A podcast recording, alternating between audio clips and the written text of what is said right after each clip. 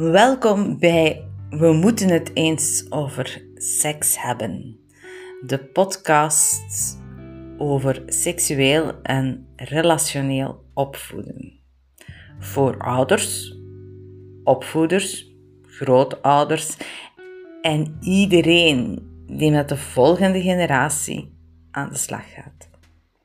Ik ben Leen van Geebergen, Sexual Growth Inspirator en ook deze podcast wil jou inspireren tot bewustere keuzes in jouw seksualiteit en die van je kinderen.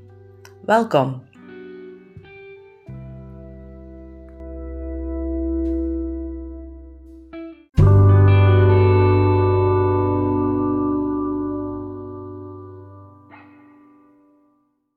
In dit derde deel, rond hoe leg ik mijn kind uit wat seks is, heb ik het over de alom aanwezige seks in ons leven.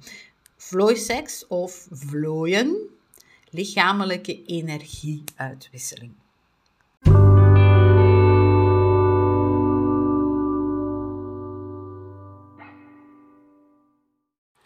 Vlooien. Wat is vlooien?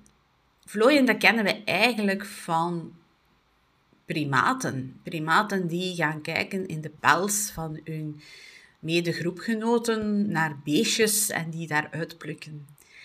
En ehm, het is een vorm van zorgen voor elkaar en er zit ehm, veel meer achter dan alleen uh, elkaars pels schoonhouden. Er zit, uh, wetenschappers hebben vastgesteld dat dat eigenlijk een soort veruiterlijking is van het, het, de, de groepstructuur heel vaak. Hè. Wie hoort erbij en wie hoort er niet bij? Mag ik vlooien? Wordt het mij toegelaten om te vlooien of niet? Hè? Uh, word ik gevlooid of negeert iedereen mij? En, en ja, word ik overgrown met beestjes? Hè? En laat ik het toe dat anderen mij vlooien of, of wijs ik hen af? Hè? Er zit heel veel betekenis achter het vlooien, achter de act van vlooien. Nu, wij zijn als mens primaten, we moeten daar niet flauw over doen. Wij zijn primaten en wij vlooien dus ook. En wij vlooien op uh, heel veel verschillende manieren. Seks is een van de manieren waarop wij vlooien. Elke vorm van seks die niet als doel heeft om ons voor te planten, is eigenlijk vlooien. En dankzij anticonceptie zijn wij eigenlijk voortdurend bezig met dat vlooien. Want we kunnen van het moment dat onze kinderwens vervuld is, al onze seksuele energie kwijt in dat vlooien. We moeten ons niet meer afvragen wanneer dat we dan moeten vlooien en of dat in het kader van uh, de voorplanting met de juiste is en met de op de juiste manier is en, en dat soort dingen meer. Het geeft veel, anticonceptie heeft ons enorm veel vrijheid gegeven in de manier waarop we seks kunnen gaan beleven. En heeft ons dus heel veel vrijheid gegeven in uh, de manier waarop we kunnen vlooien. Nu, um, eigenlijk is dat vlooien de belangrijkste vorm van seks, als je het zo bekijkt. Als seks, uh, voor mij is dat eigenlijk de definitie van seks is een lichamelijke energieuitwisseling. Het lichamelijk met elkaar in contact staan en lichamelijk van elkaar uh, ontvangen en aan elkaar schenken. En zonder daarbij um, ja, vooraf uh, aannames te maken van als ik dit geef, dan krijg ik dat terug. Vlooien en heeft te maken met schenken en ontvangen. Niet met geven en nemen. Geven en nemen wil zeggen, ik geef u iets en dan moet jij mij iets teruggeven. Dat is ruilhandel. Vlooien heeft te maken met uh, schenken en ontvangen. En schenken en ontvangen heeft een van de grootste kenmerken is dat de weg waar langs dat je geschonken hebt, of wie, aan wie dat je geschonken hebt, dat je daar niet per se terug van moet ontvangen. Dat is niet lineair. Uh, schenken is zonder um, doel geven aan mensen, aan iemand iets geven, uh, zonder de verwachting iets terug te krijgen. Maar het vertrouwen wel dat je via iemand anders, op, op een andere manier, op een andere weg, um, terug ontvangt wat je gegeven hebt, wat dat je geschonken hebt. Vlooien in, bij primaten is daarvan een heel mooi voorbeeld. Hè? Uh, primaten gaan elkaar vlooien, maar dat is niet van, allee, ik vlooi u nu u en dan vlooit jij mij terug. Uh, nee, ik vlooi u en dan komt er iemand anders mij wel vlooien. En als ik dat doe in de, um, ja, in, in de veiligheid van de groep, dan komt dat helemaal in orde en dan, dan hoort iedereen erbij. Vlooien bij primaten zegt ook iets over de hiërarchie. Hè? Wie hoort erbij, wie hoort er niet bij? Wie is bereid om te ontvangen, wie is niet bereid om te ontvangen? Nu, hoe kunnen we dat vlooien van primaten vertalen naar ons mensen? Want uiteindelijk, wij zijn primaten en wij hebben dat vlooien nodig. En wij doen dat. Wij, doen, wij, wij vlooien constant. Elke vorm van lichamelijke energieuitwisseling um, die niet gericht is op voorplanting, is eigenlijk vlooien. Dus dat wil zeggen dat uh, penetratieseks zonder, um, ja, zonder voorplantingsdoel, dat dat eigenlijk een vorm van vlooien is. Maar het is veel breder. Hè? Het is um, ook voor elkaar zorgen, uh, knuffelen. Um, ja, echt letterlijk uh, ja, elkaar beschermen. En vooral die zorg voor elkaar, die zorg voor elkaars lichaam, die zo belangrijk is. En het is belangrijk, vind ik, dat we dat vlooien uh, voorleven aan onze kinderen. In dat kader past eigenlijk deze podcast in uh, het, het, het relationeel en seksueel opvoeden. Leer je kinderen vlooien. Leer je kinderen lichamelijke energie uitwisselen. En dat is iets waar we het heel moeilijk mee hebben vandaag de dag. Daar loopt er heel veel... Um, ja, fout is het niet. Er is heel veel verwarring. Wij, wij zijn zelf niet helemaal eruit... Uh, welke aspecten van vlooien dat wij leuk vinden, welke dat wij willen uh, schenken en ontvangen. We zijn heel ambigu, um, heel vaak met twee maten en twee gewichten in de manier waarop dat we met het vlooien als, als, als activiteit omgaan. En dat geven we onbewust door aan onze kinderen. Een van de populairste uh, afleveringen tot nu toe in deze podcast is aan wie je piemel tonen. Omdat ouders bijvoorbeeld heel erg in de war zijn. Hoe moet ik aan mijn kinderen duidelijk maken hoe ze enerzijds hun lichamelijke integriteit kunnen beschermen en anderzijds toch die um, vrolijke mensen zijn die ontvankelijk zijn voor, voor anderen, die openstaan voor anderen. En dat is heel moeilijk om voor mensen vaak om daar, ze willen daar dan regeltjes aan hangen. Hè. We willen duidelijke regels over wat mag en wat niet mag. En net in vlooien, net in die lichamelijke energieuitwisseling zijn er geen regels. Is het allemaal ad hoc in de situatie zelf dat we moeten leren aanvoelen wat passend is, wat klopt voor ons, voor de maatschappij. Ehm, en daar zitten we in de war. En dat komt omdat we heel veel dingen die niet seksgebonden zijn, toch seksualiseren. Bijvoorbeeld naaktheid. En dat we een aantal dingen die eigenlijk wat meer, um, ja, hoe zal ik zeggen, tot, de, tot het stuk van seks, vlooiseks dan behoren, dat we die juist desexualiseren. En een mooie vorm van ehm, iets wat we seksualiseren is uh, naaktheid. En naaktheid, daar beginnen we direct te denken aan seks. En dat gaat zelfs zo ver dat we onze naaktheid en ook de naaktheid van onze kinderen volledig willen afschermen van eender welke andere persoon. En Soms zelfs van onszelf als ouder. Of van tussen uh, kind en babysit. Of tussen kind en grootouder. En dat toont hoe dat wij daarover eigenlijk in de war zijn. Hè. Ik, ik vergelijk het altijd, ik vind het altijd een van de mooiste voorbeelden, borsten. Hè. Biologen hebben borsten enkel de betekenis van voedingsbron voor baby's. Je ziet dat heel mooi in Afrika. Daar uh, ja, daar lopen heel wat vrouwen met blote borsten rond, maar ze hebben wel een rok aan. En waarom is dat? Omdat biologisch mannen hun partner helemaal niet kiezen op basis van ehm, de vorm of het uiterlijk van de borsten van de vrouw, maar wel van de verhouding tussen de lenden en de heupen van de vrouw.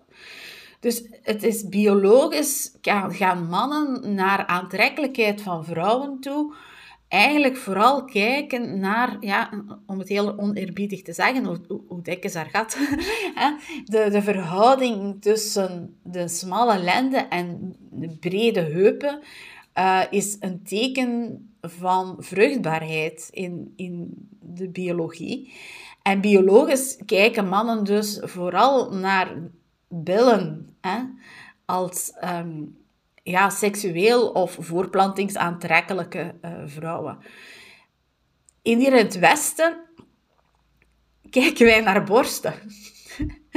dat, is, dat is bijna dat je, dat je denkt van, uh, hè, waarom doen we dat eigenlijk? Borsten hier in het Westen worden enorm geseksualiseerd.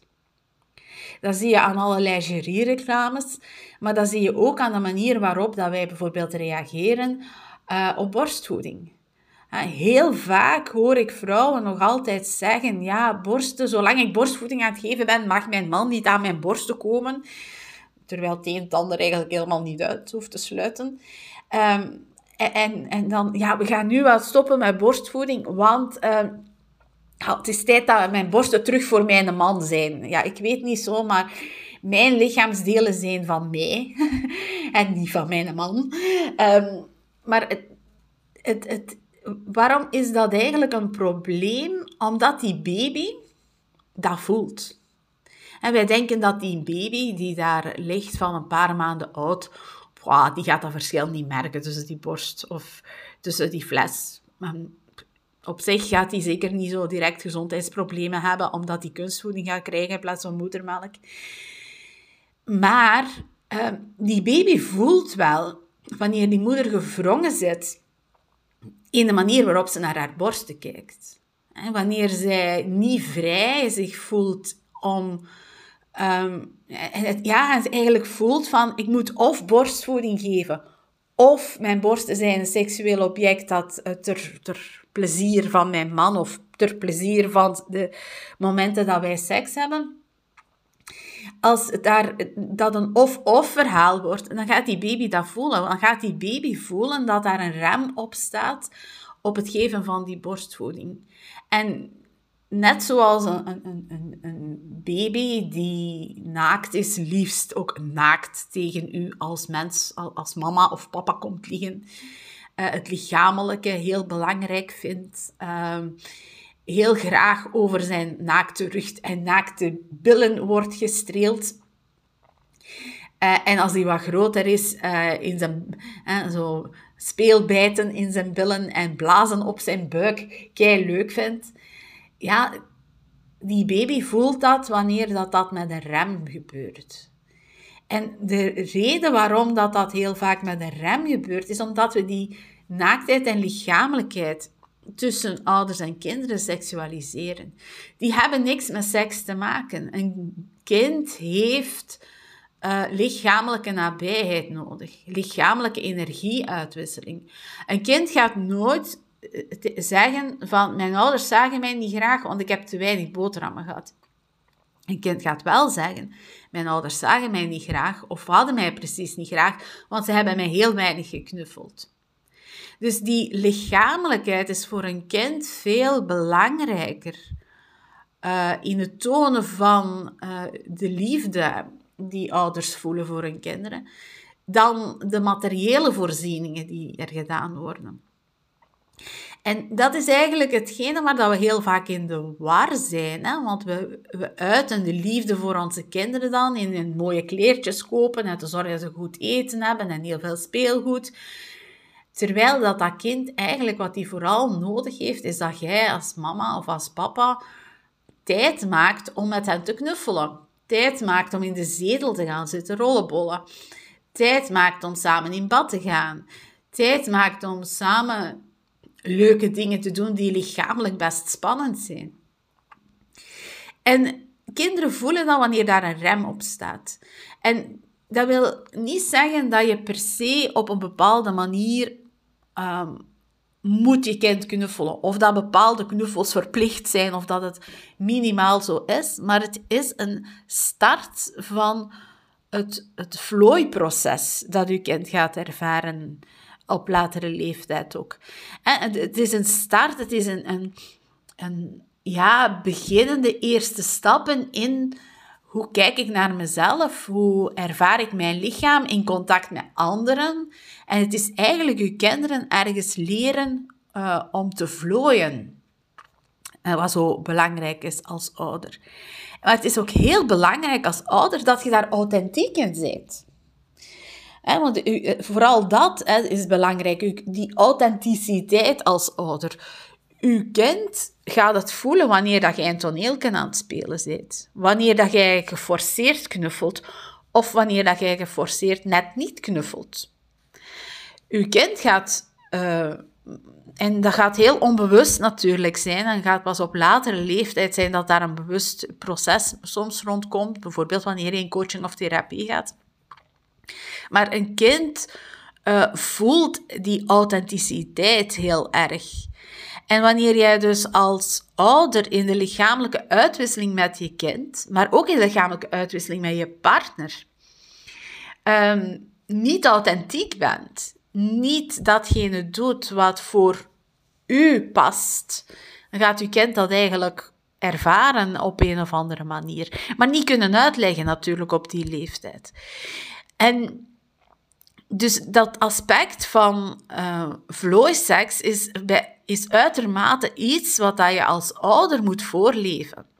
En waar dat je uh, voorplantingsseks gaat uitleggen en, wat, en zeker niet gaat voordoen, waar je penetratieseks gaat uitleggen en gaat een gesprek hebben rond grenzen, rond beleving, rond... Uh, wat is het, waarvoor dient het, waar gaan we als, als, wat, wat kan het bijdragen aan u, is vlooiseks uitermate uh, een, een vorm, en vlooien, ik noem het nu vlooiseks, maar eigenlijk is het vooral vlooien een, een uitermate iets wat dat je kind aldoende gaat leren vanaf de dag van zijn geboorte. Van bij de geboorte uh, het, het ja, het lichamelijk introduceren um, is zo belangrijk. En op tempo van het kind ook volhouden. Hè. Moment is hier een 12-jarige die ons nog steeds knuffelt. En ik moet eerlijk zeggen, de laatste tijd nog meer dan, dan, een jaar terug, uh, die heel consequent bij thuiskomen ons een kus komt geven uh, voordat hij gaat slapen ons een kus komt geven, wat voor een 12-jarige jongen zeker niet meer zo evident is. En dat hoor je toch al vaak van, ja, hey, zoals tussen de bende, daarvoor ben ik te stoer. Ehm, maar hij blijft het wel doen. Waarom? Ik denk in de eerste plaats omdat mijn man en ik wij dat ook eigenlijk samen doen. Ook, wij ook eigenlijk er een punt van maken op het moment dat wij thuiskomen of op het moment dat wij vertrekken elkaar een kus geven. Dus zij zien dat. Zij um, kopiëren een stuk dat gedrag. En, elkaar begroeten bij het thuiskomen of het, het, het, het uh, vertrekken. Dat is, dat is ook een vorm van vlooien. Dat is ook een vorm van... Ik heb u gezien. Ik, ik zie dat jij er bent. Uh, en, en je mocht hier landen. Je mocht hier emotioneel even reguleren. Je mag even bekomen van je dag. Of uh, als je morgens vertrekt, een kus, een knuffel, succes, doe dat goed.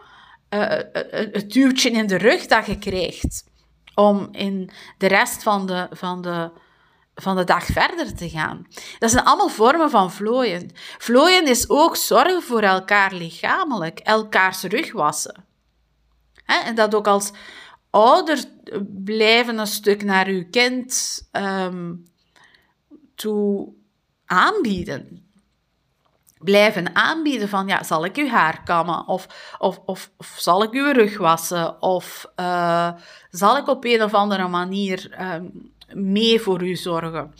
Uh, ik zie dat je daar een, een, een, plekje hebt of een rash hebt. Uh, mag ik daar eens naar kijken? Want dat, dat, uh, of dat, dat iets is waarmee we naar de dokter moeten gaan.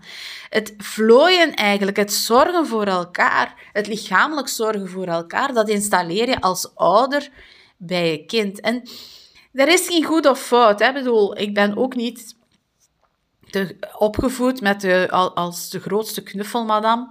En ik um, ben ook niet echt iemand die, die voortdurend uh, met mijn kinderen ligt te knuffelen. Maar er zijn momenten dat ik wel daar tijd probeer voor te maken.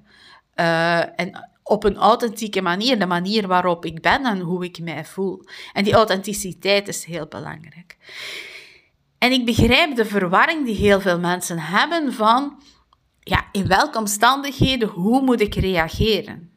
Want om dat te kunnen doen, om op het juiste moment de afgestemde vlooiactie dan, om zo te zeggen, kunnen doen, ja, moet je gegrond zijn, moet je bij jezelf zijn.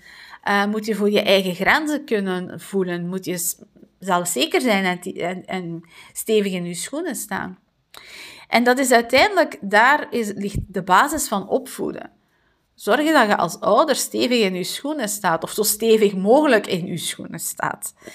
We zijn geen perfecte mensen, maar dat we als ouder zo stevig mogelijk in onze schoenen staan om het leven te leiden dat we hebben en van daaruit het voorbeeld te geven aan onze kinderen. En dat geldt automatisch juist nog het meest wanneer het gaat over vlooien en vlooiseks op zich omdat wanneer kinderen zien hoe wij vanuit onze authenticiteit um, ja, dat doen, dan gaan ze dat kopiëren. Dan gaan ze zich veilig voelen. Dan gaan ze dat kopiëren. En dan gaat dat voor later hen een, een, een ja, een stuk geven wat... Uh, ja, het gaat een stuk uh, hen op weg zetten in, in hun relaties later.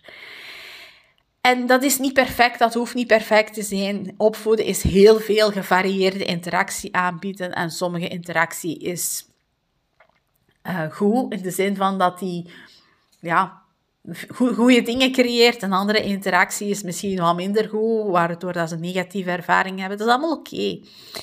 Die variatie en die veelheid is belangrijk, vanuit authenticiteit.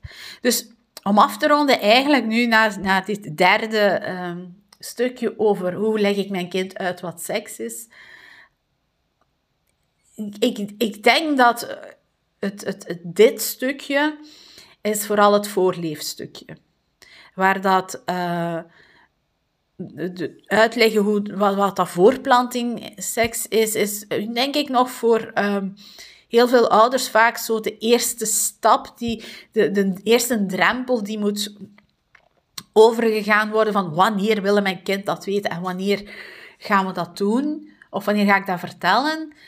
Ehm, het stuk rond penetratie, seks is vooral iets wat in puberteit um, vooral meer naar voren komt en waar het vooral rond informatie gaat en waar dat als ouder misschien ook wel vaak juist aan de zijlijn staat. Maar dat derde stuk, dat vlooien, dat is iets wat dat je van bij het begin van het leven van jouw kind, van bij de geboorte van jouw kind kan installeren en waar dat je van bij de geboorte van je kind zaadjes plant, of zoals ik in mijn boek Relatiestatus geslaagd zeg, Lego-blokjes op de plaats neerplant, die er eigenlijk later voor gaan zorgen dat je een kind hebt dat uh, authentiek en, zelf, vol zelfvertrouwen in lichamelijke interacties, namelijk in vlooien stapt.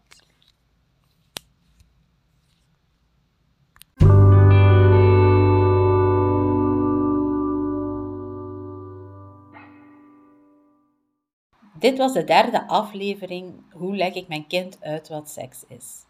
Luister ook naar de eerste en de tweede aflevering over voortplantingsseks en andere vormen van penetratieseks.